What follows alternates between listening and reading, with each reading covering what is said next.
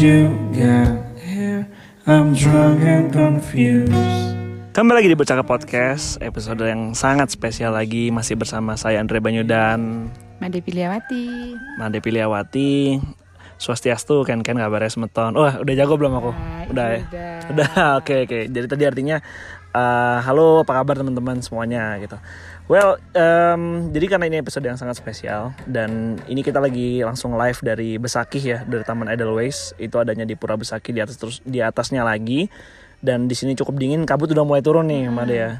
Berarti emang biar kalau misalnya nggak ada kabut nih kelihatan ya gunungnya ya. Kelihatan gunungnya. Oke oke.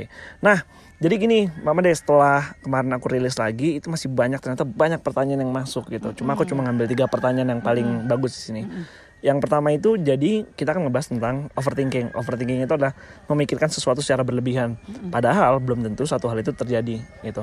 Nah kalau misalnya berdasarkan pengertian yang aku udah eh, jelaskan sebelumnya, padahal kan di dalam overthinking itu, di dalam apa namanya pemikiran yang berlebihan itu, kita suka memikirkan satu-satu hal yang kadang-kadang lebih parah daripada kejadian aslinya, belum tentu terjadi.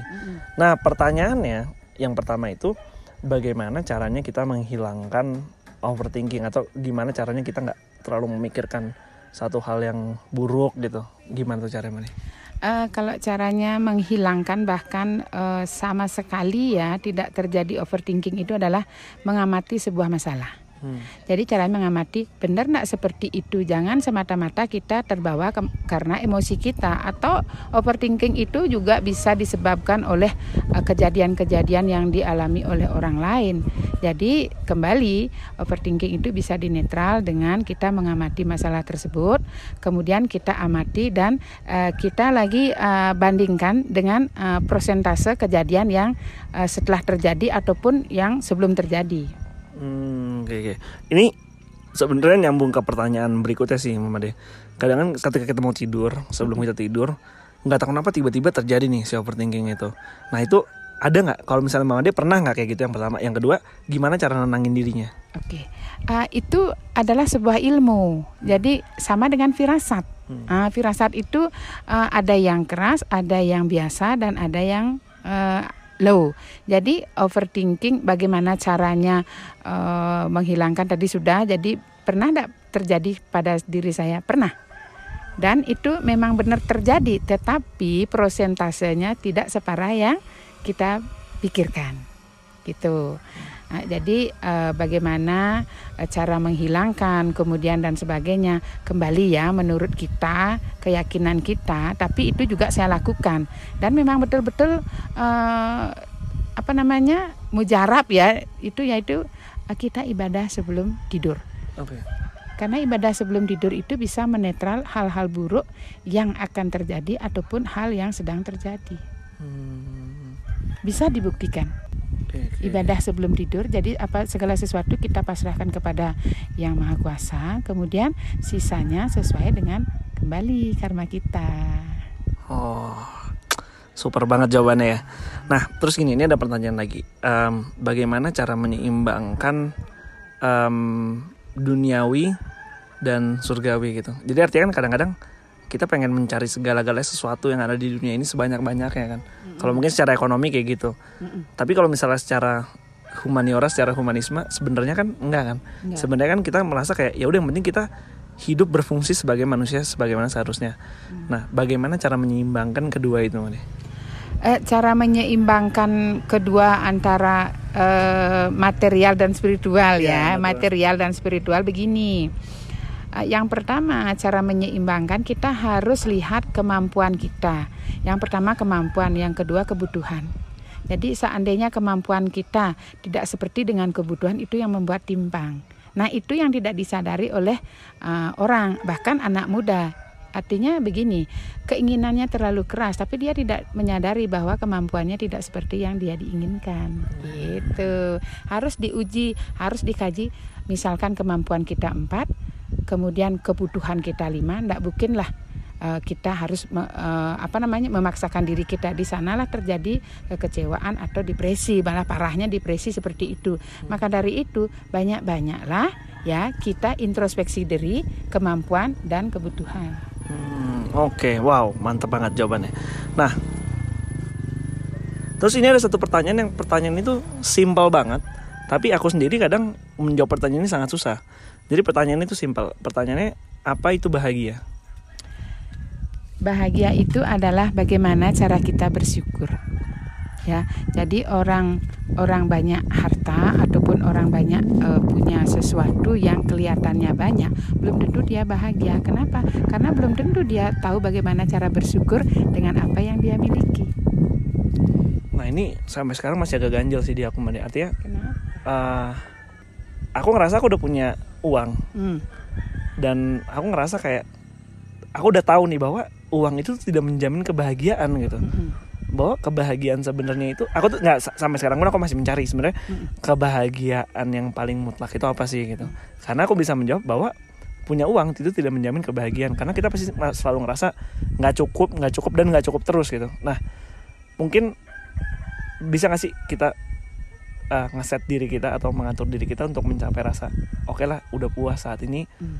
nikmati apa yang ada gitu mungkin. Di sini nah di sinilah bukan kesalahan ya. Kalau kesalahan itu mungkin fatal. Ini sebuah kekeliruan. Hmm. Ini sebuah paradigma. Jadi eh, uang memang bukan eh, mutlak mencapai kebahagiaan tetapi dengan uang kita bisa menuju kebahagiaan Hmm. ya kan Hmm. nah kalau kita tidak punya uang bagaimana cara kita eh, apa namanya memenuhi semua apa yang kita inginkan jadi kriteria bahagia itu adalah yang pertama kita harus punya dream impian Kemudian setelah kita punya impian, kita harus punya tujuan. Tujuan itu beda dengan impian. Impian itu belum tentu tercapai, tapi tujuan itu harus tercapai. Kenapa harus tercapai? Karena itulah tujuan kita. Itu tuj- tujuan itu identik dengan karakter. Misalkan nih orang banyak punya uang, misalkan eh, bandar kasino punya banyak uang, apa tujuannya? Mungkin dia akan tujuannya me- apa namanya? eh, membuka kasino-kasino lain lagi, itu tujuannya. Kemudian orang yang banyak uang, yang banyak berderma. Nah, yuk, ini kembali kepada diri kita. Ketika uang kita banyak didoakan, nah itu yang menjadi kebahagiaan kita. Otomatis itu sinergi kebahagiaan kita antara apa yang kita uh, alami, apa yang kita dapat itu sangat mempengaruhi rasa syukur kita. Yang paling penting itu kebahagiaan itu adalah di dalam konsepnya uang itu, dalam konteks uang itu adalah bagaimana cara kita mencari uang. Nah, bagaimana cara kita mencari uang?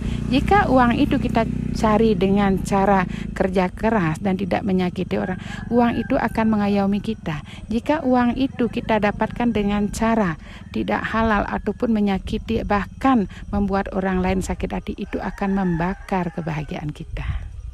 Wah, oke ini kalau udah banyak masukan banget ya dapat masukan banget di situ. Oke, eh, pertanyaan selanjutnya, em, salah nggak sih ketika seseorang itu kecewa dan nggak percaya lagi sama orang lain selamanya? Artinya gini, artinya kita nggak memaafkan dia, gitu. itu salah nggak?